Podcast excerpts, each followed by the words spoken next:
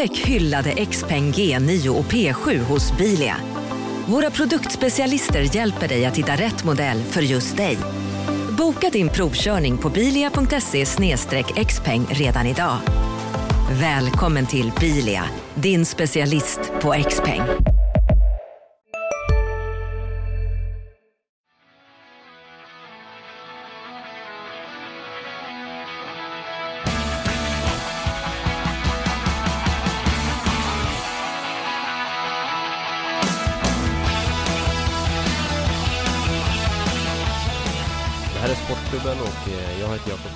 Välkomna tillbaka ska ni vara som eh, ni, ni som hittar tillbaka hit eh, till LT Sportens eh, podcast om SSK och Hockeyallsvenskan och välkomna till er som är här för första gången.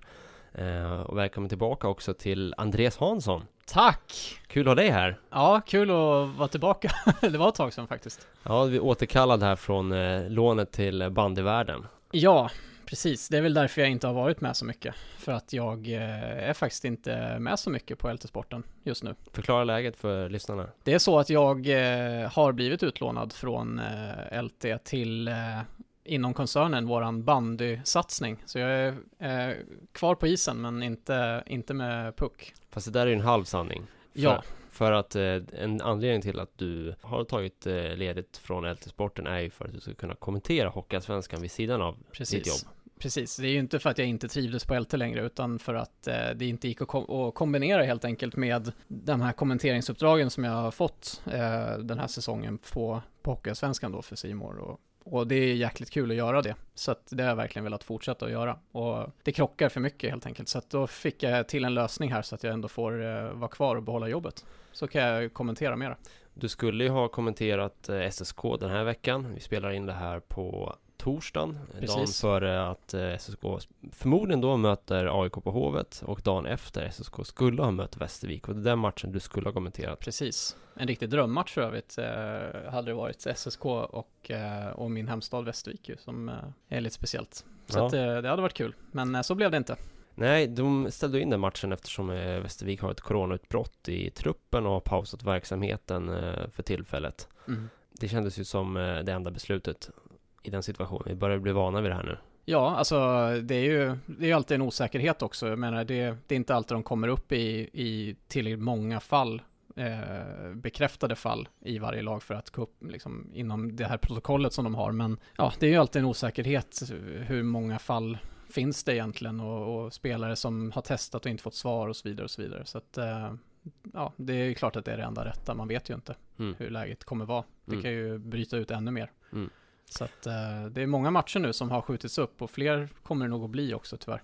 Ja, SSK är väl ett av de lag som har bäst med eh, eh, rymd kvar i, i spelschemat i och med att man Mm. ändå har spelat så pass många matcher.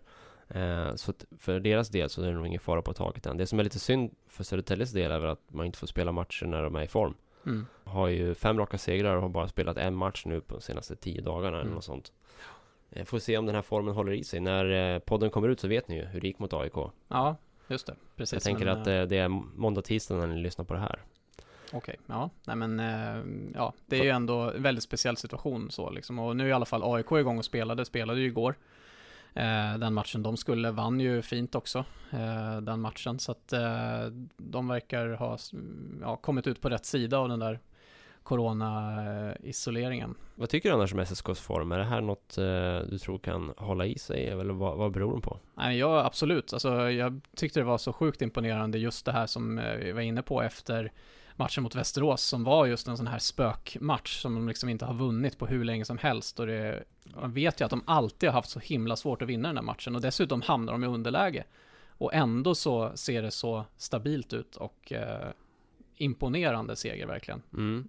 Ja, jag blev lite förvånad när jag tittade på det där faktiskt. Eh, De har ju tagit ett, en och annan tvåpoängare i Västerås, men ingen trepoängare sedan eh, förra lockoutsäsongen. Mm. Nej, men ofta har det varit, jag känner bara spontant att det har varit matcher där, där SSK har hankat sig kvar i matcherna, haft någon, någon flyt, liksom någon puckstuds eller någon målvakt som har gjort något konstigt eller någonting som de ändå har liksom stulit någon extra poäng där som man inte tycker att de borde ha haft. Och det har alltid varit väldigt svåra matcher. Eh, och det är klart att det är, det är ett jättebra lag Västerås. Så att, eh, men eh, de är inte heller i bästa form just nu. Eh, och torskade ju faktiskt mot AIK här igår. Och var ganska bleka mot AIK. Tydligen ja. Så att eh, jag såg inte just den matchen men eh det verkar vara lite oro där nu kring hur, hur läget är egentligen. Men om man tar SSK så tycker jag att de verkligen visar den här stabiliteten och, och gör väldigt mycket mål också. Jag tror ju inte riktigt att det här kommer hålla i sig så här bra. Sen är grundspelet på en annan nivå nu tycker jag. Men som du säger, de, de gör ju mål i en frekvens som man inte kan göra över, över längre tid heller. Mm. Deras powerplay har ju varit eh, vansinnigt bra. Man gjorde tre mål både mot Mod och Västerås i powerplay. Mm. Ja, just eh. nu levererar ju både 5 mot 5 spelet och powerplay och då, då blir det ju rätt bra. Ja men precis. Och alltså det är klart det kommer svackor och du kommer inte kunna vinna och spela på det här sättet hur länge som helst heller. Och jag tycker att eh, det känns som att vi kommer komma in på det men eh, SSK är på väg in i en ganska intressant del av säsongen. Och något som man visste skulle komma, liksom, nämligen hur hanterar man när spelare börjar försvinna som varit här på lån. Mm. För det kommer ju ske eh, om ingenting dramatiskt ändrar sig kring NHLs eh, säsongstart. Men, men det ser ju inte ut som att eh, den kommer ställas in i alla fall. Eh, så hur kommer SSK och andra lag eh, hantera när det försvinner viktiga spelare? Mm. Så är ju till exempel Vita Hästen den här veckan har ju riktigt svårt att hitta ny, vad ska man säga, en, en ny vardag utan Sörensen till exempel. Mm. Hur kommer det bli för Södertälje? Med det så kommer vi in på det som har varit kanske veckans största snackis i Hockeyallsvenskan. Definitivt den största, eh, största frågetecknena och eh, liksom vad är det som händer egentligen kring de här NHL-lånen? Ja. Vad är det som gäller? Den årliga lånecirkusen i Hockeyallsvenskan. Det känns ja. som vi har sett det här förut. Och svenskans styrka är kanske inte att skriva tydliga riktlinjer och ramar kring vad som gäller kring saker och ting. Särskilt inte spelarövergångar. Precis. Eh, det som har hänt då är att, om vi bara ska dra det från början, så får du bryta in här. Ska du försöka ta det här från början, alltså vad som hände och, och hela cirkusen? En kort sammanfattning i punktform, 30 sekunder. I augusti så börjar lån från NHL dyka upp. Då är det fritt att låna, finns inga regler. I början på september så börjar sportchefer och klubbar i ligan haja till på att det är många eh, flera klubbar som plockar in flera lån. Då börjar det pratas om regler första gången. Mm. 11 september så kommer Guyan som var VD då ut och säger att nu ska vi införa en begränsning och då är det en rekommendation citat om max fyra spelare. Ingen regel, det är en, re en rekommendation. Den 2 oktober så går det nya riktlinjer ut om vad som ska gälla efter 15 november om ett maxtak om fyra namngivna spelare på korttidslån. Ja. Och det är de reglerna som nu har diskuterats efter 15 november där Först då i, i oktober så gjorde sig eh, Vita Hästen av med William Lagesson när han signade sitt NHL-avtal. SSK har däremot haft fem spelare inlånade. Och nu efter att man använde fem spelare mot Västerås så blev det ramaskri i sportchefsgruppen. Man hade ett möte och eh, ville att ligan skulle sätta press på SSK att eh, göra sig av med en spelare. För annars hotades man av böter. Och det gjorde man också. Eh, valde att eh, ställa Samuel Fager mot sidan eftersom han ändå var på väg att packa väskan och åka till eh, Los Angeles för Kings eh, training camp. Så nu är det bara fyra spelare kvar i Södertälje-truppen. Mm. Tog kanske mer än 30 sekunder, men håller ja. du med om den beskrivningen? Ja, men det är, ju, det är ju väldigt invecklat. Alltså det går knappt att dra det där på 30 sekunder och jag vet inte om alla hängde med riktigt heller i hur allting har förändrats. Men det är ju just det som är problemet, att det här har ändrats så väldigt många gånger under hösten. Från att ja, klubbarna har velat, va, velat veta vad är det som gäller, särskilt vissa klubbar. Och SSK har ju verkligen legat i, i framkant där kring att vilja veta exakt vad som gäller. Och det har varit väldigt svårt att få reda på vad ja, alltså sätta exakta regler för det här. För att eh, det har varit väldigt mycket gråzoner. Det är ju delar av det här som, eh, det var ju perfekt att du drog det också med en tidslinje och datum och grejer. Det, det är ganska eh, otroligt egentligen hur saker och ting har förändrats. Och en sån där grej är ju till exempel bara en, vad är ett korttidslån och vilka ligor får man hämta korttidslån ifrån?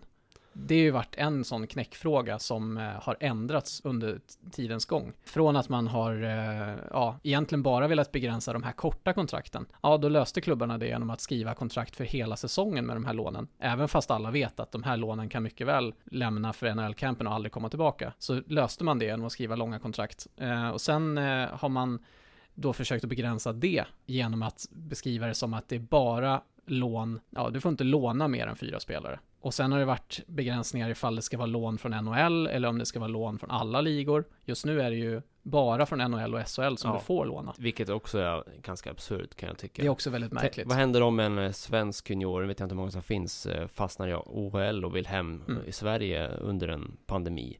Vad händer om en spelare sitter i en frysbox i Finland och vill flytta hem till Sverige Mm. och så vidare? Eh, Varför skulle man inte kunna låna en sån spelare? Nej men alltså det blir ju väldigt mycket, fortfarande väldigt mycket gråzon. I Samuelssons fall så vet jag att han har ju velat ha det väldigt mycket svart på vitt och veta vad är det som gäller. Och det har varit väldigt svårt att veta och även när man har pratat med Hockeyallsvenskans sportchef Erik Ryman så har det varit olika besked från gång till gång vad som gäller. Och jag vet ju, eller jag har ju en egen eh, åsikt kring varför det är så här. Ja, Men, eh, varför är det så här då? Därför att klubbarna styr för mycket. Eller inte för mycket, men klubbarna, det är väldigt mycket klubbarna som styr, helt enkelt, i Hockeyallsvenskan. Medan det, där det i SHL till exempel sitter, där är det också klubbstyrt, men det är mer tjänstemännen som tar fram riktlinjerna. Klubbarna säger hur de vill ha det, och sen har du till exempel Johan Hemlin som är en eh, eh, central sportchef som är fristående och som har ett team som tar fram riktlinjerna. Medan i Hockeyallsvenskan har de inte riktigt fått den här organisationen på plats. Ryman finns, men han har inte varit på plats så värst länge. Han håller fortfarande på att sätta sig in i alltihopa. Plus att Stefan Gujans vd lämnade ju här under hösten hux flux. Väldigt eh, oväntat var det också för Hockeyallsvenskans ledning. Det var ingenting de hade förväntat sig och alla hans arbetsuppgifter har fördelats ut nu på de som är kvar i organisationen. Så även Erik Ryman har ju fått arbetsuppgifter som han inte var tänkt att ha, vilket hör till hela situationen egentligen, varför det har blivit som det har blivit. Så tiden räcker inte riktigt till och då är det ju helt enkelt så att Ryman har inte kommit på plats tillräckligt tror jag, utan han försöker fortfarande sätta sig in i det, han försöker att göra det som klubbarna vill att han ska göra.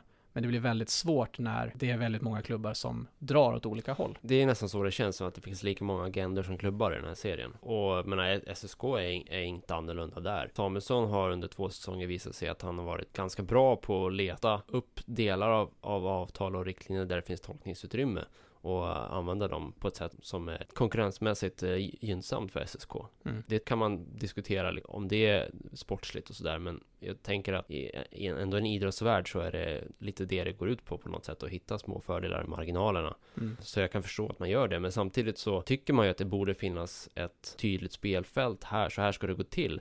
Och det här är ju andra året i rad vi ser att det blir otydligt med eh, vad det är för regler. Förra året var det SHL-lånen som det var oklart hur många man fick ha och när de skulle in och hur många som fick gå tillbaka och så vidare. Mm. För mig är det otroligt märkligt att en liga som ska vara professionell, näst högsta nivå i, i Sverige eh, och som omsätter så mycket som den ändå gör, inte har ett ramverk klart för det här inför säsongerna som Mm. alla vet om. Varför sätter man inte det här på ett ligamöte i, på sommaren? De hade ju ett i början på I augusti. det här fallet så är det ju svårt, De- det har ju dykt upp en situation som de kanske inte förutsåg riktigt. Fast det håller, jag in, det håller jag inte med. För att i augusti när man hade sitt eh, ligamöte om när säsongen skulle börja. Det var runt den 13 augusti eller något sånt. När man bestämde sig för att skjuta på säsongstarten till 1 oktober. Då visste man att NHL-slutspelet fortfarande var igång. Man kunde förutse att det skulle bli en senare säsongstart. Man visste att spelarna som var, hade varit i lag som inte hade gått i bubblan eller hade eh, spelat i AHL skulle fått väldigt långt mellan sitt säsongslut och sin nästa säsong och att de förmodligen skulle vilja spela någonstans. Det hade kunnat gå att förutse situationen. Och menar, det var likadant året innan också att regelverket var otydligt. Man behöver skriva avtal på sådana här grejer. Varför Jo, gör man men inte det? jag tror ändå att man inte förutsåg det, eller att man inte hade Det är uppenbart att man inte en, gjorde, men det eh, borde man ha gjort. Alltså Hockeyallsvenskan just nu är ju, man kan inte säga något annat än att det är en, en demokrati med väldigt mycket omröstningar.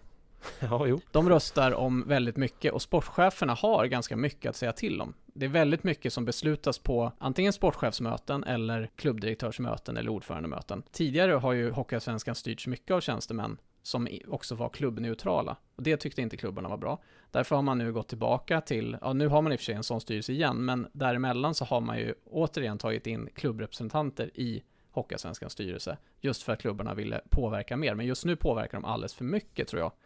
Därför att i de här fallen med alla de här, just kring NHL-lånen, alla de här turerna fram och tillbaka, så har det i princip varit så att man har fått en situation, klubbarnas sportchefer har haft eh, telefonmöten, och då har en majoritet tyckt att nej men så här kan vi inte ha det, nu måste du ändra det här, säger de till Ryman. Då försöker han att ändra det. Sen så har det ändrats till någonting där de fortfarande tycker att nej men så här kan det inte vara, nu måste du ändra igen. Och så får Ryman ändra ännu en gång, och så försöka kommunicera det till alla klubbar. Och där har ju också beskrivningen av de här reglerna kanske inte varit den allra bästa alltid. Det har inte varit jurister direkt som har suttit och filat på de här texterna, utan det är andra personer som skrivit på ett sätt så att det kan tolkas på ett annat sätt helt enkelt.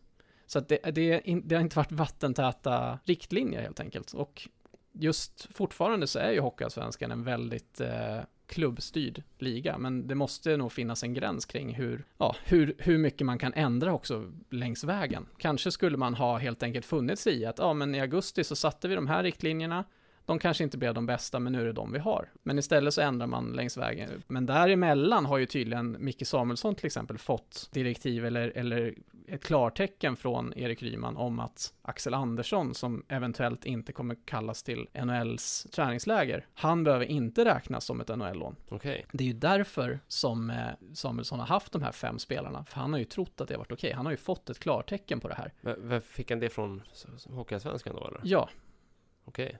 Ja, då blir det ju ytterligare förvirrande. Och den uppgiften kommer ju från flera håll. Den har jag försökt få verifierat av Erik Ryman, men jag har inte fått tag på honom de senaste dagarna, tyvärr. Men eh, den uppgiften finns hos andra klubbar också, att Erik Ryman ska ha gett klartecken till just Axel Andersson. Men han är ju fortfarande ett lån, alltså från en NHL-klubb. Han har ju ett NHL-kontrakt. Så att tekniskt sett, enligt de här riktlinjerna, så ska ju han räknas som ett NHL-lån. Men ändå så har SSK fått ett klartecken och då har Samuelsson kört på det klartecknet snarare än att titta, okej, vad, vad säger de här reglerna som vi nu har fått på papper? Man kan förstå att de andra klubbarna reagerar när de ser SSK gå bra och så kollar Absolut. de upp laguppställningen och så är det fem lån. Självklart. Men när du berättar det här, då låter det ju samtidigt som att eh, rikta ilskan åt fel håll. För jag menar, om man har ett ramverk och sen så ger man grönt ljus för en avvikelse, då kanske det är Hockeyallsvenskan man ska eh, rikta ilskan mot då istället. Men det här är ju ett resultat, tror jag, av att Erik Ryman försöker hela tiden att göra det som klubbarna vill, det som sportcheferna i Hockeyallsvenskan har gemensamt röstat fram.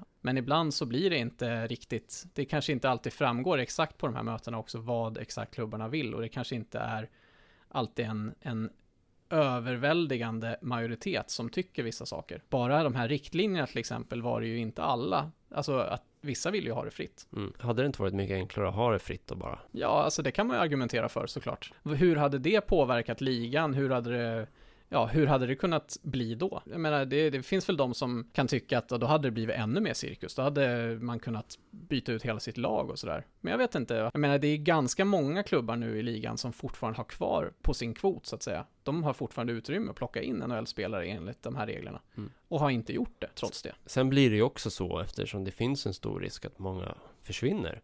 Att man bäddar sin egen säng. Ju fler man tar in desto större omsättning kan man behöva hantera under säsong. Och det är inte heller lätt. Mm. Ska man ju veta. Nej, Plockar du in som SSK har gjort fem och så försvinner det fem i december. Det kommer ju krävas en hel del av coacherna och också en sportchef att hantera en sån situation. Jag tror att, jag tror att Hockeyallsvenskans klubbar i alla fall hade kunnat hantera att, om det var fritt, därför att de hade ändå inte kunnat plocka in så värst många. Någon klubb kanske hade gjort det, men eh, ja, alltså hur bra hade det laget blivit egentligen? Vilken lagsammanhållning hade det laget fått? Mm. Och vad händer sen då i december när spelarna ska dra? Mm. Då har de inget lag, liksom. Nej, och sen bortsett Marcus Sörensen som är en riktigt etablerad NHL-spelare så är det ju det är ing- inga monstruösa eh, lirare som har kommit hit Mm. ändå. Alltså det är ju spelare på väg upp i karriären som har mestadels, om man ska vara ärlig, spelat i AHL. Mm. Eh, en del som Jesper Bokvist har gjort en hel del NHL-matcher till exempel. Ja, nej men alltså visst och sen, eh, alltså i Björklöven så är ju Grundström och framförallt Oskar Sten har ju lekstuga också nu Mm. till exempel. Så att jag menar, visst finns det jättebra spelare, men Det är, Men- men, det är inte som före lockouten, det är det jag menar. Nej, nej, absolut inte. Utan det, precis, det är ju inte etablerade NHL-spelare som bara går in och, och kör över allting, Nej,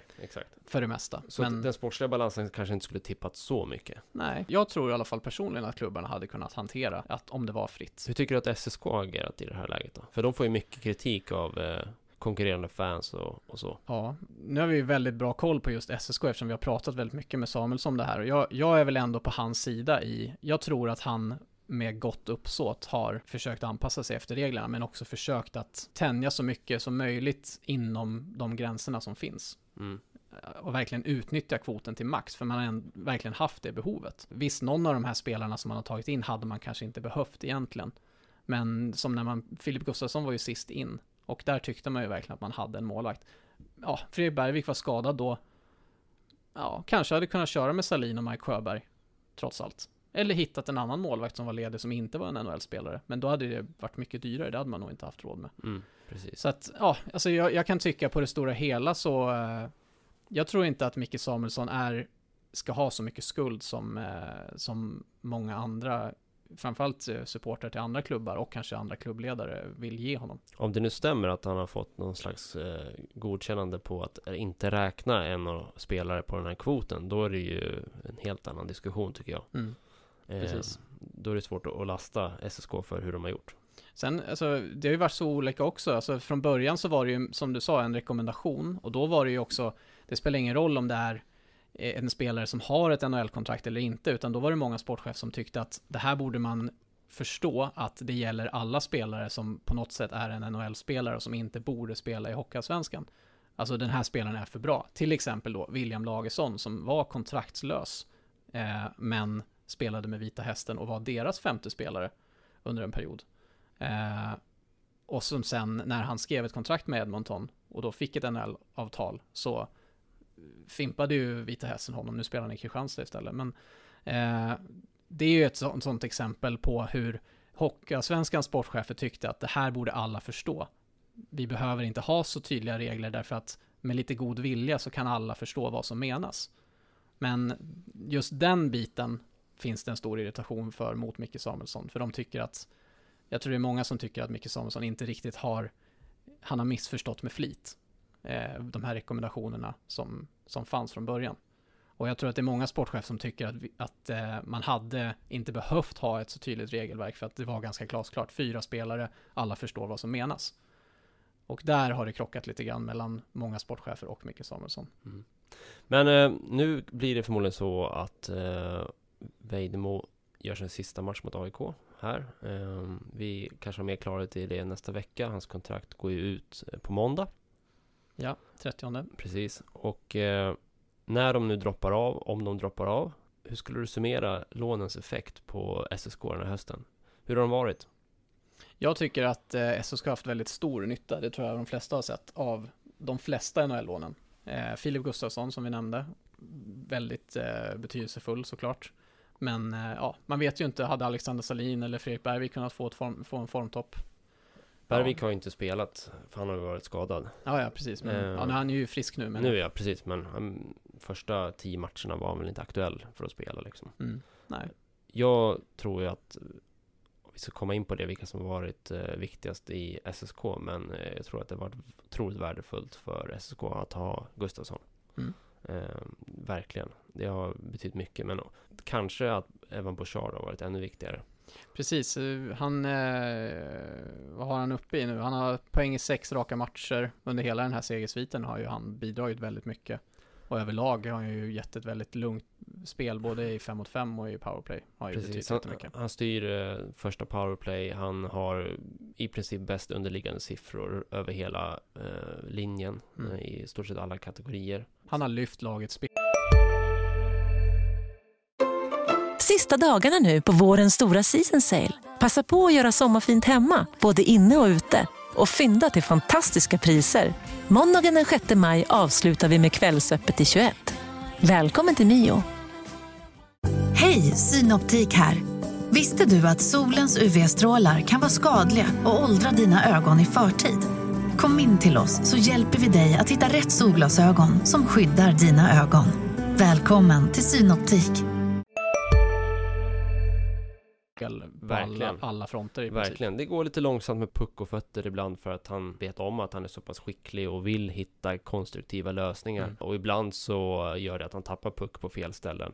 Men överlag så lyfter han spelet till så mycket högre nivåer så att eh, det, det är helt klart värt att betala för mm. ett par misstag här och där. Ja, ja men absolut. Så att han har varit jätteviktig. Sen, eh, ja, Axel Andersson då, han har ju inte haft riktigt den den betydelsen som man eh, kanske hade trott, särskilt när han kom. Det är väl en spelare som man kanske inte har fått ut så mycket av. Hade säkert kunnat klara sig bra utan honom också. Sen har vi ju Lukas Vejdemo, tycker jag inte har kanske varit riktigt så bra, framförallt inte offensivt som man kanske hade hoppats. Har ju faktiskt också en poängsvit nu på fyra raka matcher ändå. inget mål men en del assist. Är ju nyttig på många sätt, kanske mest defensivt egentligen. Ja, man vill kanske vill mer se, se mer spets när man tar in den här typen av spelare och kanske ha den förväntan också på en spelare som har NHL-meriter. Men, men han har ju inte riktigt den rollen i NHL heller som en offensiv spelare. Nej, det är en tvåvägscenter så. Men jag, jag tänker ju nog att ändå att SSK har haft mer nytta av eh, lånen på backsidan. Inklusive Axel Andersson. För jag tycker Mm. att han eh, har spelat bättre än han får cred för.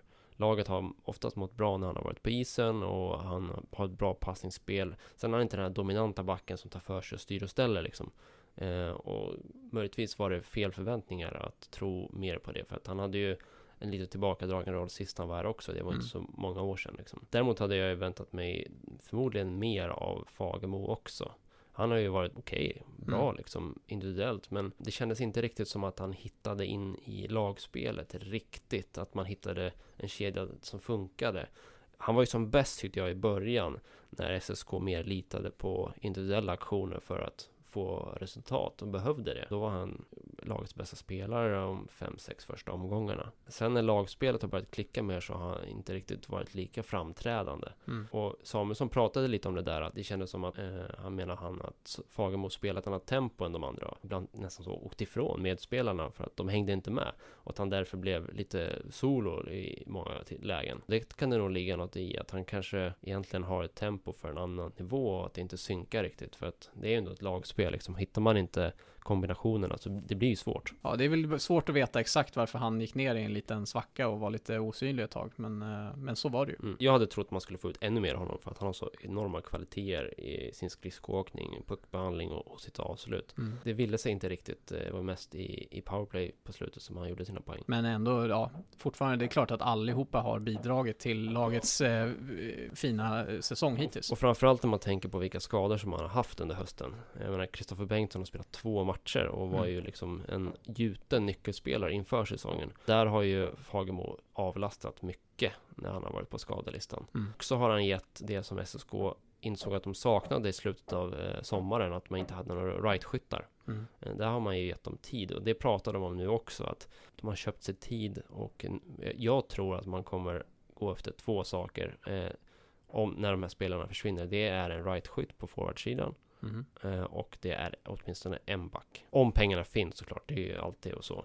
Vilken typ av back i så fall tror du? I sådana fall en, en offensiv back. Mm. Eh, det var ju det man ville ha eh, också i slutet av sommaren. Men Då tänker du om Bouchard försvinner? Ja, men precis. Mm. Men där är frågan hur man ska agera nu. Jag kan tycka att man kan unna sig att vänta en månad och se vad som händer på camperna. För att eh, finns det möjlighet att de kommer tillbaka så är det ju bättre att fortsätta tycker jag med Mm. de spelare man har haft på lån. Vad tycker du? Ja, alltså jag tycker nog att man ska vara så kylig som möjligt och se vad som händer. Jag håller med dig där. Alltså att, ehm, ja, jag tror marknaden förändras hela tiden. Eh, Det händer väldigt mycket och jag tror det är många som fortfarande, det finns väldigt många ledare spelare. Mm. Så är det ju helt klart. Problemet nu är ju att man får ju inte, också en regel som dök upp längs vägens gång med de här NHL-lånen, att de är namngivna och att man får inte byta ut spelare inom den här kvoten. Så att de fem eller fyra nu som SSK har använt det är helt enkelt de som de är låsta vid. Så att eh, man kan ju inte hämta in en ny NHL-spelare. Jag skulle inte bli förvånad om Bouchard ändå lämnar. Ja, det behöver inte vara allt för långt bort faktiskt. För jag menar, det, vi har hört om många spelare som ska eh, in i karantän och sådana här saker innan de ska in i sina klubbar och så vidare. Ja, jag har inga, liksom, ingen information om det, men bli inte förvånad om Bouchard bara från en, en vecka till en annan att nu är det slut liksom. Mm. Så absolut. Det kan mycket väl hända och det är klart att då behöver de ju någon annan lösning. Samtidigt så finns det ju, ja, Axel Andersson kanske kan få en större roll, Oskar von Sivers kanske kan spela powerplay som det nog var tänkt egentligen. Det är ju inte en spelare på den kalibern såklart som Bouchard är. Nej, m- Och det är svårt att hitta också någonstans tror jag. Alltså, jag menar, ska du hitta en ersättare som är lika bra som Bouchard, det blir nog svårt. Mm, men jag tror ändå att eh, det behövs en back till. För alternativen är ju att kalla hem någon från lån. Det här, bygg, det här resonemanget bygger ju på just nu, alltså, det är inte säkert att Axel Andersson blir kvar heller. Han kanske Mm. också blir inkallad till, till Anaheims eh, träningsläger. Det vet Ja, vi visst. inte. Ja, då är det Bobo och eh, Kalle Weng och Sebastian Walfridsson. Ja, precis. Jag tror i och för sig att Ludvig Jansson går före åtmin- Jansson. åtminstone två av dem där. Kanske till och med Bobo. Mm. Ja, då är det kanske honom som man får eh, försaka och matcha in då. Men det knepiga är att han är 16. Ja. Han fyller 17 i mellandagarna. Han är inte den största eh, killen, även om han är en superhäftig talang. Eh, så hur matchar man in honom? Hur mycket ska man eh, kasta ut honom på djupt vatten och se om han simmar. Mm. Svårt läge. Samtidigt så har ju J20 inga matcher nu och det är många talanger där som inte får speltid och det, det hämmar ju deras utveckling också. Mm. Ja, nej, alltså det kanske blir att eh, man blir tvungen att eh, mer eller mindre testa. Alltså ett par matcher i alla fall. Menar, om, om spelarna försvinner och lämnar till NHLs träningsläger så Mm. måste man ju ta det man har. Ja, men jag skrev om det här för, förra veckan här att eh, man har ett ganska bra fönster och, och se vad man har.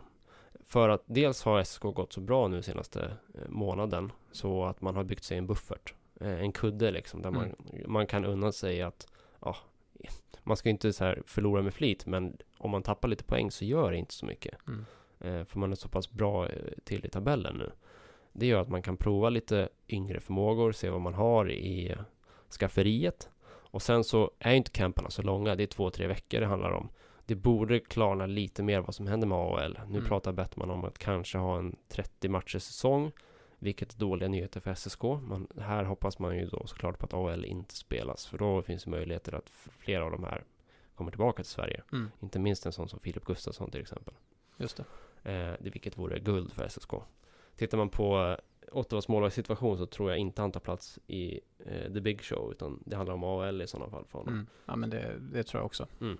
Och om man då under den tiden man väntar på camperna och ser vilka som tar plats, testar man vad man har och sen ser man vilka som kommer tillbaka och så kan man fokusera på, på att fylla de luckor som uppstår om någon blir kvar i Nordamerika. Mm.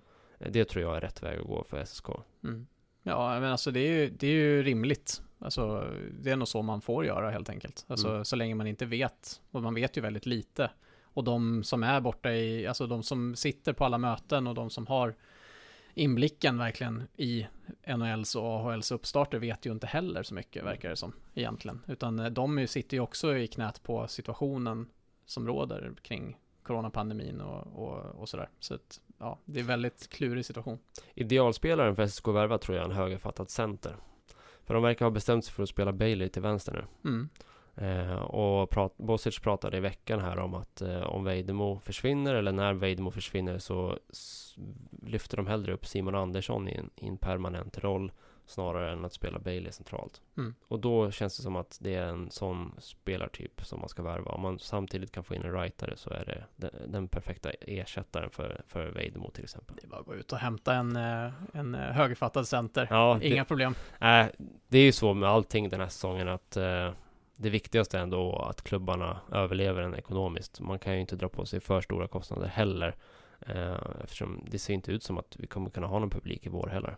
En högerfattad center är nog bland det dyraste du kan eh, försöka hitta. Ja, det beror ju på vad är dyrt den här säsongen. Det verkar ju som att spelare återvänder till SHL för liksom inga pengar alls om man jämför med ett normalt läge. Så är det ju. Så och det- i januari så är det inte många månader kvar att betala lön. Nej, så det kan ju finnas eh, spelare som är ganska billiga för vad de kan erbjuda. Mm. Vem vet? Men det är ju inte säkert ens det finns pengar i klubben eh, i januari. Och Så- sen när eh, coronavaccinen börjar rulla ut så vet vi inte alls vad som händer. Kanske är publik på läktarna igen då i januari i alla fall. Ja, det tror jag inte. Nej, det tror inte jag heller, men eh, det säger en del om hur, ja, hur osäkert allting är just nu. På tal om ekonomi så eh, fick ju SSK ändå hyggligt positiva besked här i veckan med eh, kompensationsstödet från regeringen. Nästan 2 miljoner till klubben som då skjuter likviditetsbristen lite på framtiden. Vad reagerade du på när du såg de siffrorna? Jag reagerade på att jag tyckte att det var väldigt stora skillnader ändå i ligan, eh, vilket förvånade mig lite grann.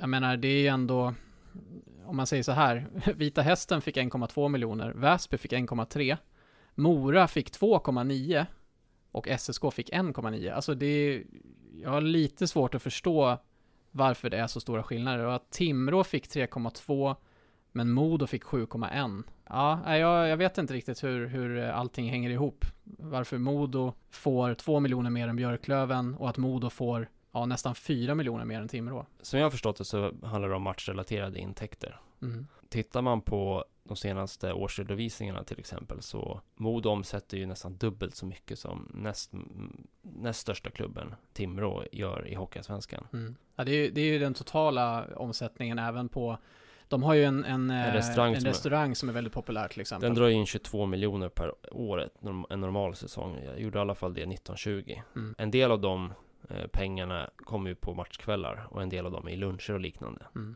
Men Videbro säger att de tjänar mellan 25 och 30 miljoner på, på matchkvällar under en säsong. Mm. Det är ju mer än vad vissa klubbar omsätter. Mm. Så eftersom de här pengarna ska ersätta intäktsbortfall så finns det ju mycket större intäkter att förlora för Modos del. Mm. Därför blir deras eh, stöd också större. Sen handlar det ju också om hur många hemmamatcher man har spelat.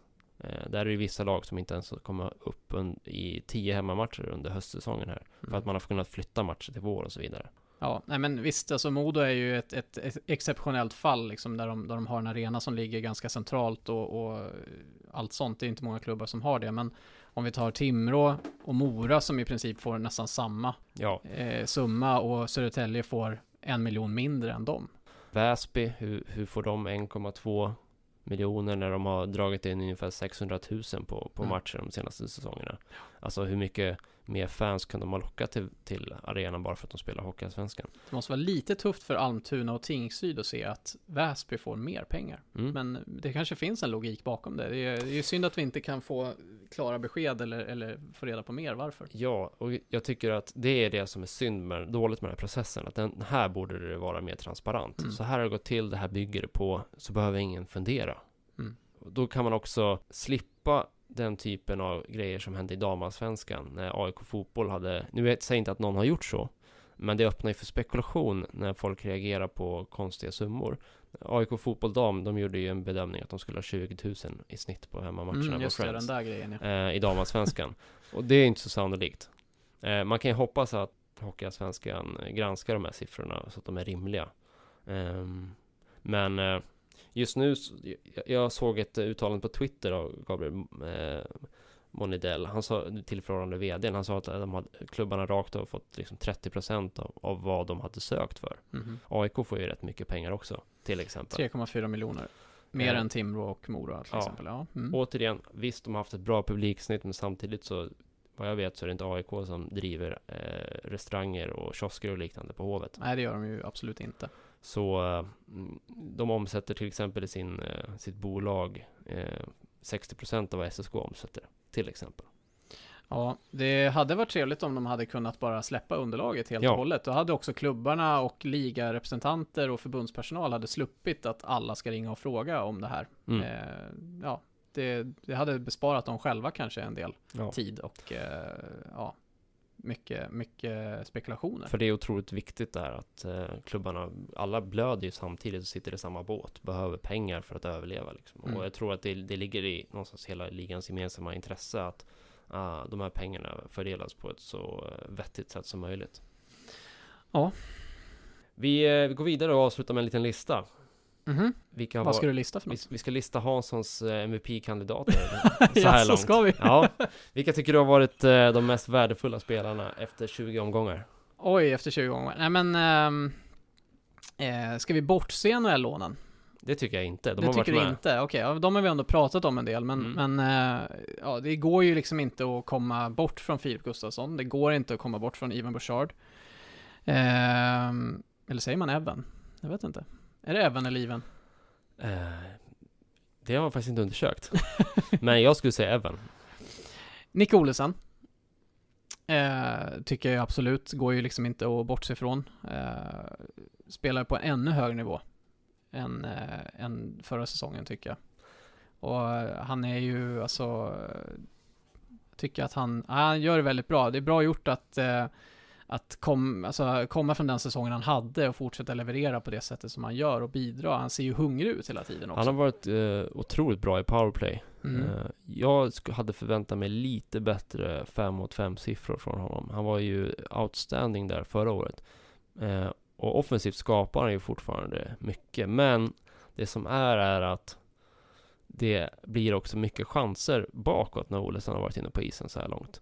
Eh, och det är frågan vad det beror på. Det är ju såklart inte bara eh, hans fel. Men laget har släppt till mycket chanser med Olesen på isen. Mm. Och det där är något som man hade gärna sett lite mer dominans för SSK när eh, han lirar. Det är ju den eh, formationen han och, och, ja, nu ska vi inte säga han och Blomstrand längre, men, men när de spelade ihop så fick de ju en del kritik för just det här. Mm. Så ehm, ja, nej men visst, visst kan det finnas sådana saker. Men är det någon som jag måste plocka fram som MVP hittills så vill jag nog säga eh, även Bouchard.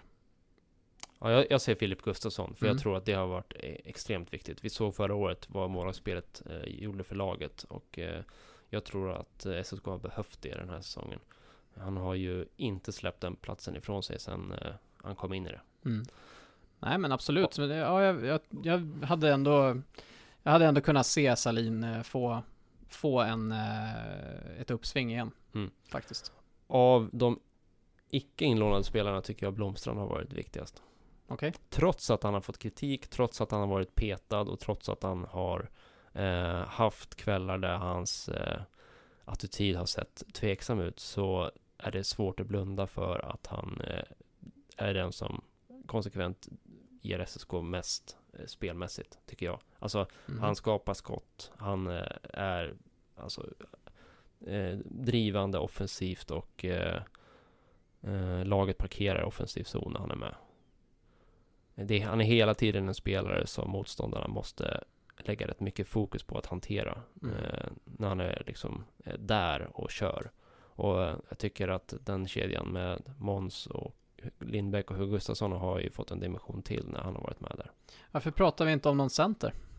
Centrarna brukar ju vara otroligt viktiga Varför Ja. har vi inte någon som har varit så betydelsefull på centersidan? Kanske för att eh, Hugo Gustafsson hade en lång eh, downperiod i början på säsongen. Kanske för att Vejdemo inte har motsvarat förväntningarna och tuggat tunga minuter. Kanske för att Lukas Karlsson missat början på säsongen. Mm. Och Emil Aronsson har inte riktigt den rollen Nej, exakt. Ja. Eh, men med det sagt så tror jag att eh, både Karlsson och Gustafsson kommer betyda otroligt mycket eh, under andra halvan av säsongen.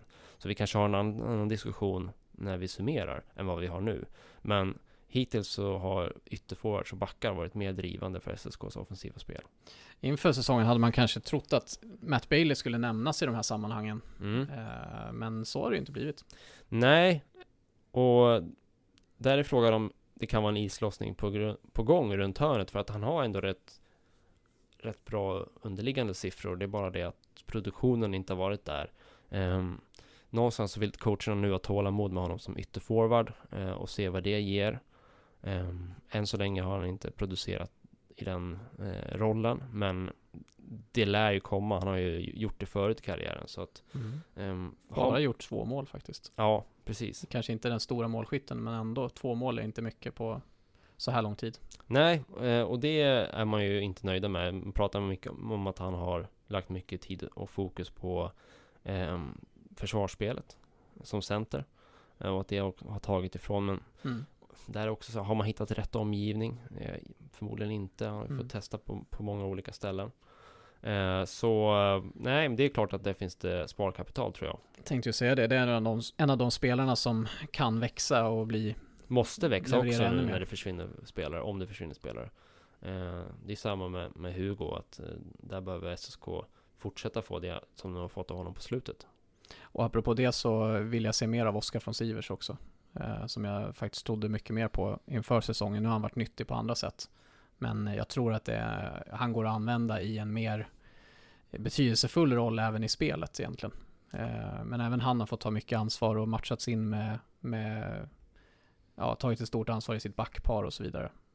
Så att där borde det kunna finnas mer att hämta också när, när eventuellt några backar försvinner.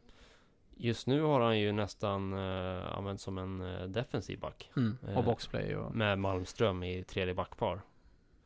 Nej men precis, alltså det, jag, ja, han är ju en spelare som är ganska bra med pucken egentligen och borde kunna eh, användas till mer speluppbyggnad och en- ja, vara en viktigare spelare i spelet, även offensivt och i powerplay. Han har ju bara startat eh, 36% av sina matcher i offensiv zon. Så Mm. det säger ju rätt mycket. Det är svårt att eh, vara en, en... Hans uppgift har hittills kanske varit att liksom eh, flytta spelet Mm. eh, från defensiv till offensiv zon tillsammans med Malmström. Det är svårt att, att, att glänsa då på samma sätt som man kanske gjorde under försäsongerna och Ja. i, mer offensiv roll. Ja, men det är ju för att det har funnits andra spelare som har Ja. fått de där andra rollerna. Ja, Så, men om de spelarna försvinner eller några av dem så då kommer det dyka upp luckor och då blir det ju då är det ganska rimligt att han får ta ett sånt ansvar sen. Och det Mm. tror jag att han kan hantera också. mm, ja absolut. Det tror jag med.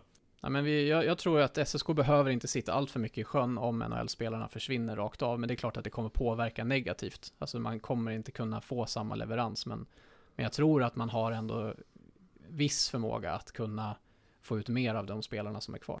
Var, var, tror du att eh, SSK befinner sig när vi eh, tittar på tabellen vid nyår? Eh, jag tror inte att, alltså vid nyår, det är... Eh, en månad. Det är en månad ungefär. Jag tror inte att det har hänt så jättemycket. Det är några spelare som har försvunnit. Eh, kanske någon som vi inte vet just nu. Men jag tror ändå att SSK, SSK kommer hänga kvar i mm topp 5-skiktet i alla fall, det tror jag. Ja, men där, där, där någonstans 3 till 6 med Mora, Västerås och de typen av lag. Karlskoga mm. kanske. Det kommer ju komma perioder nu där det blir väldigt mycket matcher och där eh, eh, ja, det kommer bli jävligt tajt. Eh, och många andra lag kommer spela väldigt mycket under kort tid. SSK kommer ha ganska chill ändå i november, eller ja, december framförallt. Då har de inte så mycket matcher faktiskt då. Det kommer vara otroligt eh, intensivt för vissa lag som kommer få matcher som nu har ställts in, som kommer placeras under den perioden. Mm. Ja, vi får se om Hockeyallsvenskan börjar göra som SHL och lägga matcher från våren tidigare för att kunna skapa sig utrymme i slutet av säsongen. Mm. Så kan det bli.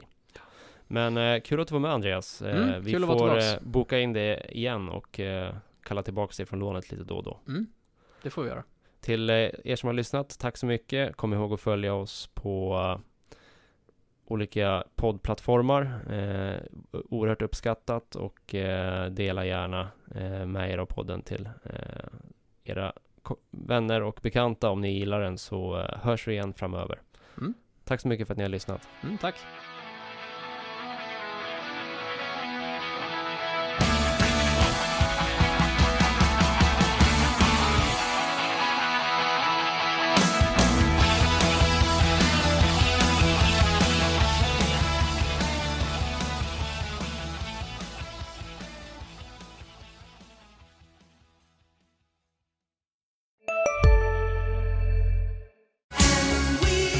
Just nu till alla hemmafixare som gillar julast låga priser. En slangvinda från Gardena på 20 meter för vattentäta 499 kronor. Inget kan stoppa dig nu. Välkommen till Unionen. Jo, jag undrar hur många semesterdagar jag har som projektanställd och vad gör jag om jag inte får något semestertillägg? Påverkar det inkomstförsäkringen? För jag har blivit varslad, till skillnad från min kollega som ofta kör teknik på möten och dessutom har högre lön trots samma tjänst. Vad gör jag nu? Okej, vi tar det från början. Jobbigt på jobbet. Som medlem i Unionen kan du alltid prata med våra rådgivare.